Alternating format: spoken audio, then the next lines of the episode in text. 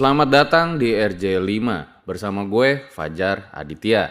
Sebelum dimulai, gue mau ngasih tahu nih kalau nggak cuman gue, tapi lo juga bisa bikin podcast lo. Mulai dari rekaman, edit suara, sampai tambah lagu. Semuanya tuh bisa lo lakuin sendiri dengan platform Anchor. Satu aplikasi buat semua kebutuhan podcast. Bisa di-download dari App Store dan Play Store atau bisa juga diakses dari website www.anchor.fm. Nggak cuma buat, tapi lo bisa langsung share dan publis hasil rekaman lo ke Apple Podcast, Spotify, Stitcher, dan lain-lain dari Anchor ini. Yang paling penting, Anchor ini gratis.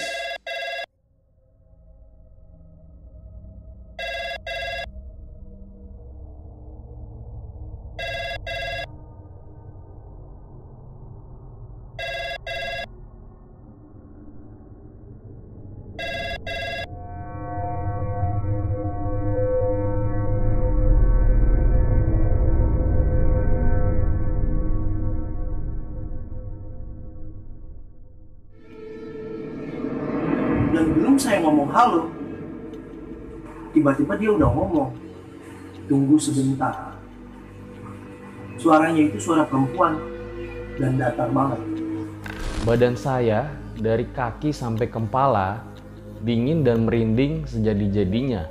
Karena pada saat itu saya melihat sosok nenek-nenek berpakaian serba hijau seperti orang zaman dahulu berdiri tepat di atas genteng saya. Kembali lagi bersama gua Fajar Aditya di Om Mamat Season 1.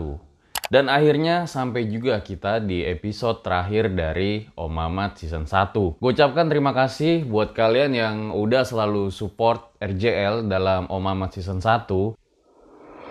Jadi ceritanya sendiri di episode kali ini cukup beragam dan tentunya akan membuat kalian sedikit bertanya-tanya. Kok bisa hal tersebut terjadi? Dan terus terang di season 1 ini kemarin kita sudah cukup banyak mendapatkan narasumber-narasumber yang ketika menceritakan pengalaman mereka kita jadi mendapatkan sesuatu lagi yang baru dan tentunya banyak pelajaran yang bisa diambil dari kisah mereka. So, langsung saja berikut adalah ceritanya.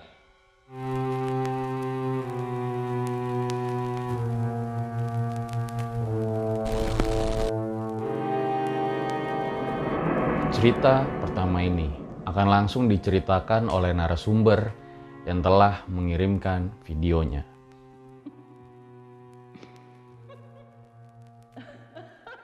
Selamat malam teman-teman. Perkenalkan nama saya Krisna. Saya akan bercerita tentang pengalaman saya mengenai orderan misterius. Jadi pengalaman saya terjadi pada tahun 2018 lalu.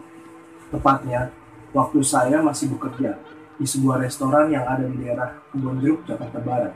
Sebenarnya, posisi saya saat itu adalah sebagai waiters. Cuma, beberapa kali saya terpaksa diharuskan untuk mengantarkan pesanan makanan ke customer. Karena di restoran tempat saya bekerja saat itu belum memiliki karyawan khusus untuk delivery. Dan cerita saya bermula pada saat saya masuk shift sore. Saat itu pukul 9 malam dan kondisi restoran sedang tidak terlalu ramai.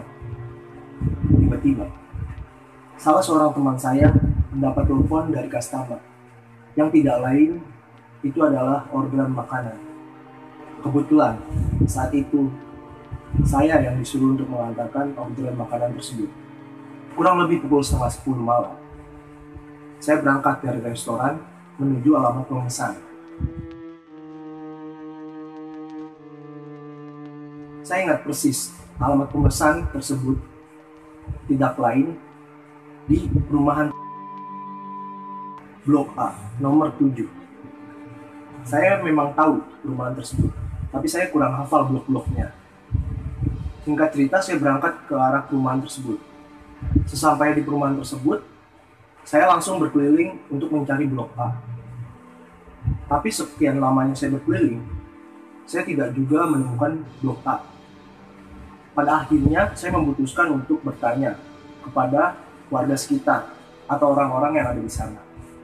Dari banyaknya orang yang saya tanya, yang buat saya heran, kenapa me- mereka tidak tidak ada yang tahu tidak ada yang tahu di mana letak blok A tersebut mereka bilang di sini bloknya gede-gede kayak huruf D E F G H dan sebagainya. Dan blok A tersebut tidak ada katanya. Tapi saya tidak menyerah saat itu. Saya coba menyusuri lagi komplek-komplek tersebut. Sampai akhirnya saya bertemu dengan bapak-bapak di daerah komplek blok D saya bertemu bapak-bapak sedang naik sepeda. Kala itu saya berhentikan. Permisi pak saya bilang. Saya numpang tanya kalau blok A sebelah mana? Bapak tersebut bilang saya kurang tahu kalau blok A mas. Cuma mas coba ke arah komplek paling ujung. Di sana ada gereja. Siapa tahu di sana mas. Saya kurang tahu kalau blok A. Tanpa pikir panjang saya langsung mengarah ke yang bapak tersebut bilang. Sepanjang jalan ketika saya menuju gereja saya dibuat heran. Karena jalanan menuju gereja tidak seperti komplek-komplek yang saya kelilingi barusan. Kali ini jalanan yang saya lewati gelap minim sekali penerangan. Nggak lama saya berkeliling tiba-tiba saya melihat sebuah gereja. Ada sebuah di sebelah kiri adanya di sebelah kiri saya. Di situ saya melihat gereja itu ada lampunya tapi tidak banyak gitu. Tidak terlalu terang juga. Tapi yang membuat saya heran justru di sekitaran gereja ini itu gelap gelap total. Saya nggak menyerah begitu saja dan saya nggak pernah punya pikiran macam-macam karena yang saya tahu saya ingin nyari blok A. Saya jalan nggak jauh dari gereja di situ ada blok B.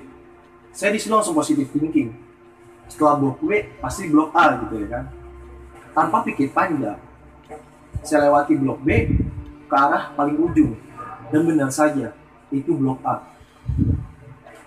Di depan blok A terdapat sebuah pos satpam ada beberapa orang di dalamnya yang mungkin satpamnya tapi karena saya saya pikir waktu itu saya sudah bertemu blok A saya tidak bertanya atau permisi terlebih dahulu pada satpam yang ada di situ. Jadi saya putuskan saya untuk ya asal nyelonong aja masuk. Tiba-tiba saya masuk dan saya benar-benar dibuat heran saat itu. Blok A ini benar-benar sepi seperti kota mati gelap gulita. Satu-satunya penerangan hanyalah lampu motor saya. Dan ketika saya sudah sampai di blok A dengan kondisi yang memang gelap lalu saya coba susuri lagi lebih dalam. Ternyata di dalam blok A ini masih terdapat banyak gang-gang di antaranya. Di setiap gang ada lima rumah. Dan setiap di depan gang ini ada semacam pelang gitu penunjuk jalan. Dan di situ tertulis nomor rumah. Gitu. Misalkan gang pertama berisi nomor 1 sampai 5, gang kedua 6 sampai 10, berikutnya 11 sampai 15 dan seterusnya. Karena saya ingin cari nomor 7, lalu saya berhenti di antara nomor 6 sampai 10. Ketika sampai, saya baru sampai depan gangnya, saya lihat di dalam gang itu cuma ada satu rumah yang nyala. Karena saya pede, itu nomor 7, tanpa pikir panjang, langsung saya hampiri. Ternyata benar, ketika saya sampai, itu memang benar nomor 7 Lalu, setelah sampai, saya coba turun dan memanggil pemilik rumah yang ada di dalam.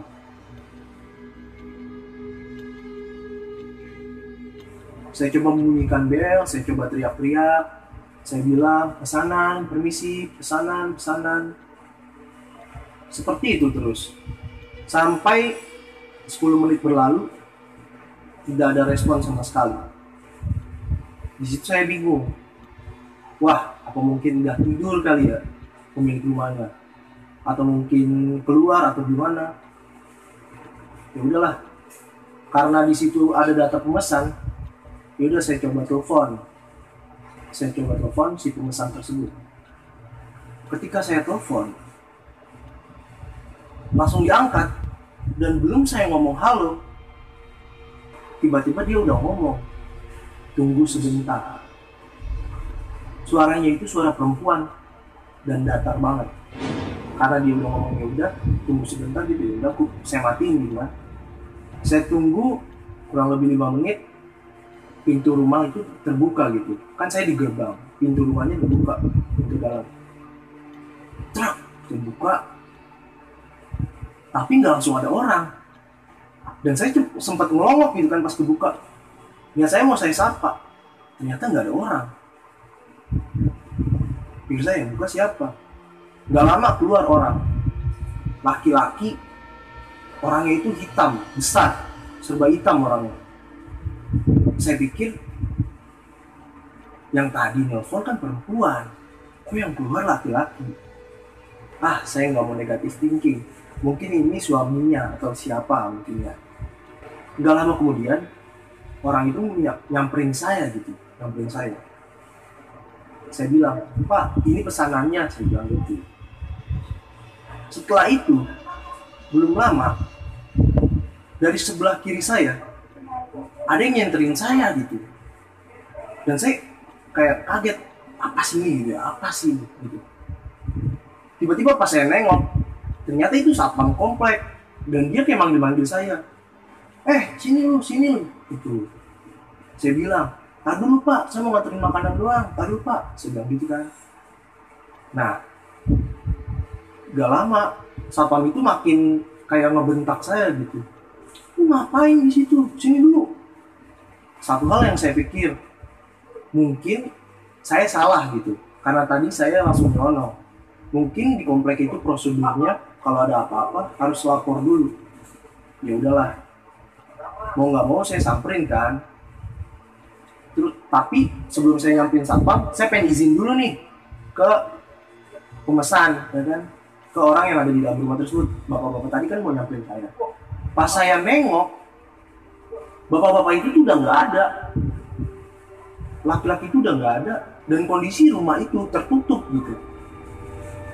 Saya bilang wah orangnya masuk kali ya? Ya udah saya nggak peduli gitu dan saya nggak mikir apa-apa. Langsung saya puterin motor saya samperin tuh satpam tersebut. Pas samperin dia tanya kenapa pak? Satpam itu bilang lu ngapain di sini? Saya bilang saya nganterin makanan pak. Saya kasih tahu nih makanannya. Ini pak makanannya saya bilang gitu. Nganterin makanan gua siapa? Itu nomor tujuh pak. Ada-ada aja lu. Sini lu ikut gua ke pos saya bilang. Ah ikut ke pos pak. Ini saya anterin dulu deh pak. Nanti baru saya ke pos. Gak enak saya pak. Udah ditungguin pesanannya. Saya bilang gitu kan. Tapi satpam itu tetap maksa gitu. Ya udah akhirnya saya ngikut ke pos lah. Daripada saya jadi masalah gitu ya kan. Sampai di pos satpam tersebut ternyata di sana ada dua orang lagi gitu. Jadi totalnya ada tiga orang kan? Tiga orang. Ya mungkin dua orang tersebut juga satpam juga tapi nggak pakai seragam gitu. Pas sampai di situ saya langsung ditanya sama temennya si satpam ini salah satunya. Dia nanya ini dia dari mana? Terus satpam yang tadi ngejemput saya dia bilang apaan? Nggak jelas. Dari sono dari katanya dari nomor 7 mau antar makanan terus saya kayak dia pasti mau antar makanan saya minta izin pak. Saya bilang gitu kan saya cukup ya berdebat sedikit lah berdebat kecil. Tiba-tiba kayak orang itu bilang ngapain lu nganterin makanan? Orang di sini perumahan baru dibangun gitu ya. Loh saya kaget. Perumahan baru dibangun? Orang tadi ada orangnya gitu kan. Terus juga orangnya udah saya telepon. Hampir saya di situ hampir debat terus satpam itu salah satu satpam itu merendahkan gitu. Udah udah udah udah. Mending lu minum dulu nih. Saya dikasih air putih tuh segelas. Harus saya minum kan. Saya minum. Udah lu tenang dulu. Coba lu ceritain. Lu di sini ngapain? Pak saya di sini nganterin makanan. Nganterin makanan. Buat siapa? Saya lupa nama pesanan nama pemesannya itu siapa. Pokoknya saya bilang buat si A lah gitu. Alamatnya saya kasih tahu kan terus dia bilang emang lu dari mana? Saya dari restoran ini pak saya bilang gitu. Tiba-tiba dia ngomong gini lu tahu nggak? Perumahan ini tuh kosong belum ada yang nempatin. Loh saya bingung belum ada yang nempatin gimana? Tadi ada orangnya gitu loh. Terus di situ sempat kredit lah. Sempat saya dan beberapa satpam itu ya debat gitu. Ya saya berdebat karena memang saya nganterin dan saya ketemu orangnya tadi kan dan satpam itu tetap keras dengan argumennya gitu. Dia bilang rumah itu eh perumahan ini tuh blok A ini kosong belum ada yang nempatin gitu. Memang perumahan baru banyak rumah yang baru dibangun. Loh saya ngotot kan saya bilang. Tadi saya udah ketemu pak sama orangnya tiba-tiba bapak nyenterin saya saya bilang gitu kan. Ya lu nggak percaya pokoknya di situ debat lah panjang lebar. Sampai juga emosi saya juga sempat kepancing juga karena saya juga niat saya kan cuma nganter makanan gitu ya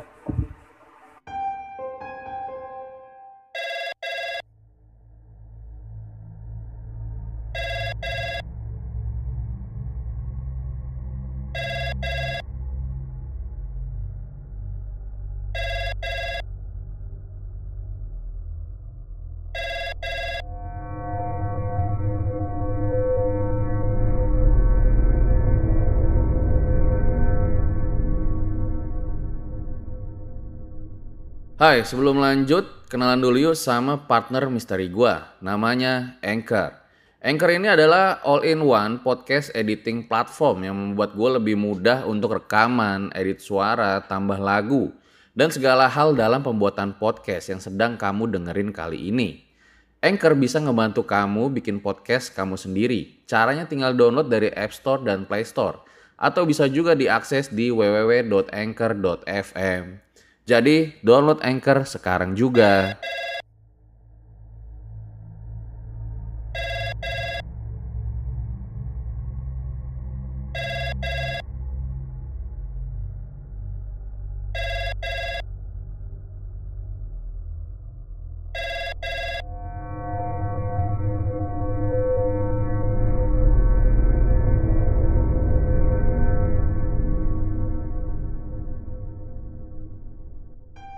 Akhirnya redam.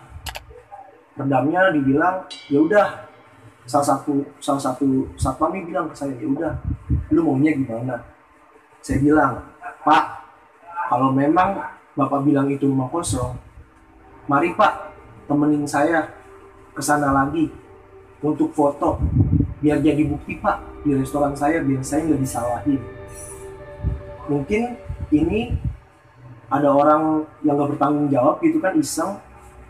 Yang penting bapak temenin saya dulu ke sana. Biar saya ada bukti pak di restoran saya nih bahwa rumah tersebut kosong gitu. Satpam yang tadi jemput saya ini ngajak saya lagi ayo kalau emang lu nggak percaya mah gitu. Dia bilang ayo. Motor saya saya titip di situ. Kunci saya bawa kan. Saya bawa nih makanan saya teng teng saya bawa makanan saya bawa handphone kan Nah, jalan tuh saya sepanjang jalan dia ngejelasin. Dia bilang blok B sama blok A ini banyak kan rumah kosong, tapi blok B udah beberapa yang terisi. Blok A ini bener-bener kosong dia bilang. Terus saya bilang, loh tadi nomor 7 saya lihat ada orang ya pak. Dia bilang, lu halusinasi kali. Apa lu ya mungkin lu capean gitu. Pokoknya dia masih ya dengan argumennya dia lah dan saya juga tetap dengan argumen saya sendiri karena kan saya pribadi melihat dengan mata kepala saya sendiri gitu saya ngeliat ada orang buka pintu gitu. Terus juga tadi pas saya telepon orangnya ngangkat gitu ya kan. Ya udahlah. Saya sampai di depan gang tuh di antara nomor 6 sampai 10 saya lihat di situ loh gelap. Bingung saya. Gelap tadi terang. Ah, mungkin rumahnya udah dimatiin gitu kan. Mungkin yang punya kesel gitu kan. Yang pemiliknya kesel nih si pemesan. Karena tadi saya nggak langsung nganterin.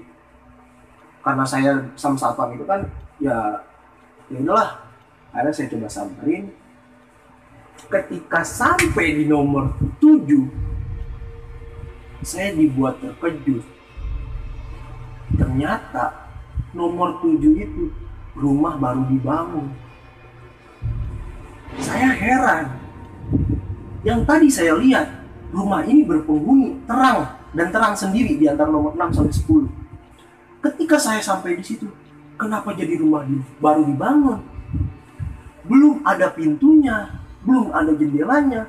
Memang di- sudah jadi kerangka gitu sudah sudah jadi ya rumah tapi belum belum dibangun belum finishing. Nggak ada catnya nggak ada apa. Dan masih banyak sampah sampah sampah daun-daun kering. Apa? Tiba-tiba saya langsung lirik satpam kan saya lirik satpam tersebut. Satpam tersebut bilang itu katanya mau foto foto dulu. Siswa yang nggak bisa ngomong saya diem juga saya nggak tahu. Tiba-tiba saya emang mati kata gitu saya nggak bisa nggak bisa ngomong apa apa saya diem. Mungkin karena saya syok kali ya. Saya diem gitu. Dan satpam itu mungkin tahu saya juga kaget gitu kan udah akhirnya saya diajak lah ke posnya lagi sepanjang jalan ke arah pos saya bengong aja. Terus satpam itu kayak nepuk pundak saya gitu. Jangan bengong jangan bengong. Ah jangan bengong gitu. Ya pak. Bilang gitu. Sampailah saya di pos satpam tersebut. Dengan apa ya dengan ekspresi yang memang syok mungkin ya dan saya pucat di situ tuh. Saya pucat. Dan satpam yang dua tadi yang di dalam pos tadi kaget juga ngeliat saya. Kenapa lu pucat saya nggak bisa ngomong apa apa terus udah lu minum air putih dulu nih minum air putih dulu. Terus ya mereka kayak nasihatin. Dan kali hati-hati gini gini. Gini mungkin ya gua nggak tahu lu kenapa atau lu gimana punya salah atau gimana juga nggak ngerti lah. Pokoknya di sini emang rumah kosong gitu. Mungkin lu salah lihat atau mungkin lu halusinasi atau kecapean. Saya nggak ngomong apa apa dan saya nggak bisa ngomong apa. Emang benar-benar saya diem diem total di situ. Cuma merhatiin mereka bertiga ngomong terus salah satu satpam ini bilang di sini emang sering terjadi seperti ini. Sering banget. Ada yang mesen makanan kayak dari ojol gitu. Ojol aplikasi ojol mesen makanan. Sampai sini ya untungnya mereka nanya dulu sama kita kita orang. Jadi mereka nggak yang ngalamin kayak lu alamin saat ini. Tapi pernah ada kalau lu kan malam-malam lah wajar lah kalau hal-hal kayak gitu malam-malam. Kalau ini ada waktu itu. Ojol jemput anak sekolah di sekolahan. Ngantar ke sini. Ketika dia mau turunin di dalam blok A ini anaknya hilang nggak ada. Kaget itu ojol juga. Loh saya makin kaget gitu kan. Loh masa sih saya kayak nggak percaya gitu? Tapi saya juga barusan baru mengalami hal yang ya yang di luar nalar juga gitu. Dan saya benar-benar nggak bisa ngomong apa-apa. Pokoknya di situ saya shock. Dan satpam itu mungkin kasihan sama saya ya kan? Dia bilang terus ini gimana makanannya? Nanti lu diomelin sama restoran lu. Saya bilang "Ya udah pak nggak apa-apa lah. Gampang masalah makanan mah. Bisa saya ganti pakai uang saya sendiri atau gimana? Intinya yang penting saya mau pulang aja pak. Lu bisa nggak pulang? Ditanya gitu saya bilang saya bisa pak pulang. Kuat bawa motor. Kuat mau dianterin nggak? Nggak usah pak. Nggak apa-apa. Benar nggak apa-apa. Iya nggak apa-apa pak. Dan ya udah akhirnya nggak lama saya pergi dari pos satpam itu sepanjang jalan saya berpikir saya harus ngomong apa ke orang-orang di resto gitu? Saya harus ngomong apa ke manajer saya gitu? Gak mungkin kan saya ceritain pengalaman yang baru saya alami. Mereka nggak mungkin percaya pengalaman yang sampai sekarang nggak bisa saya lupain. Entah karena ulah orang nggak bertanggung jawab atau emang entah ya gangguan makhluk tak kesat mata gitu. Ya in- intinya saya dibuat seperti ya dimanipulasi sih. Mungkin itu aja yang bisa saya ceritain. Terima kasih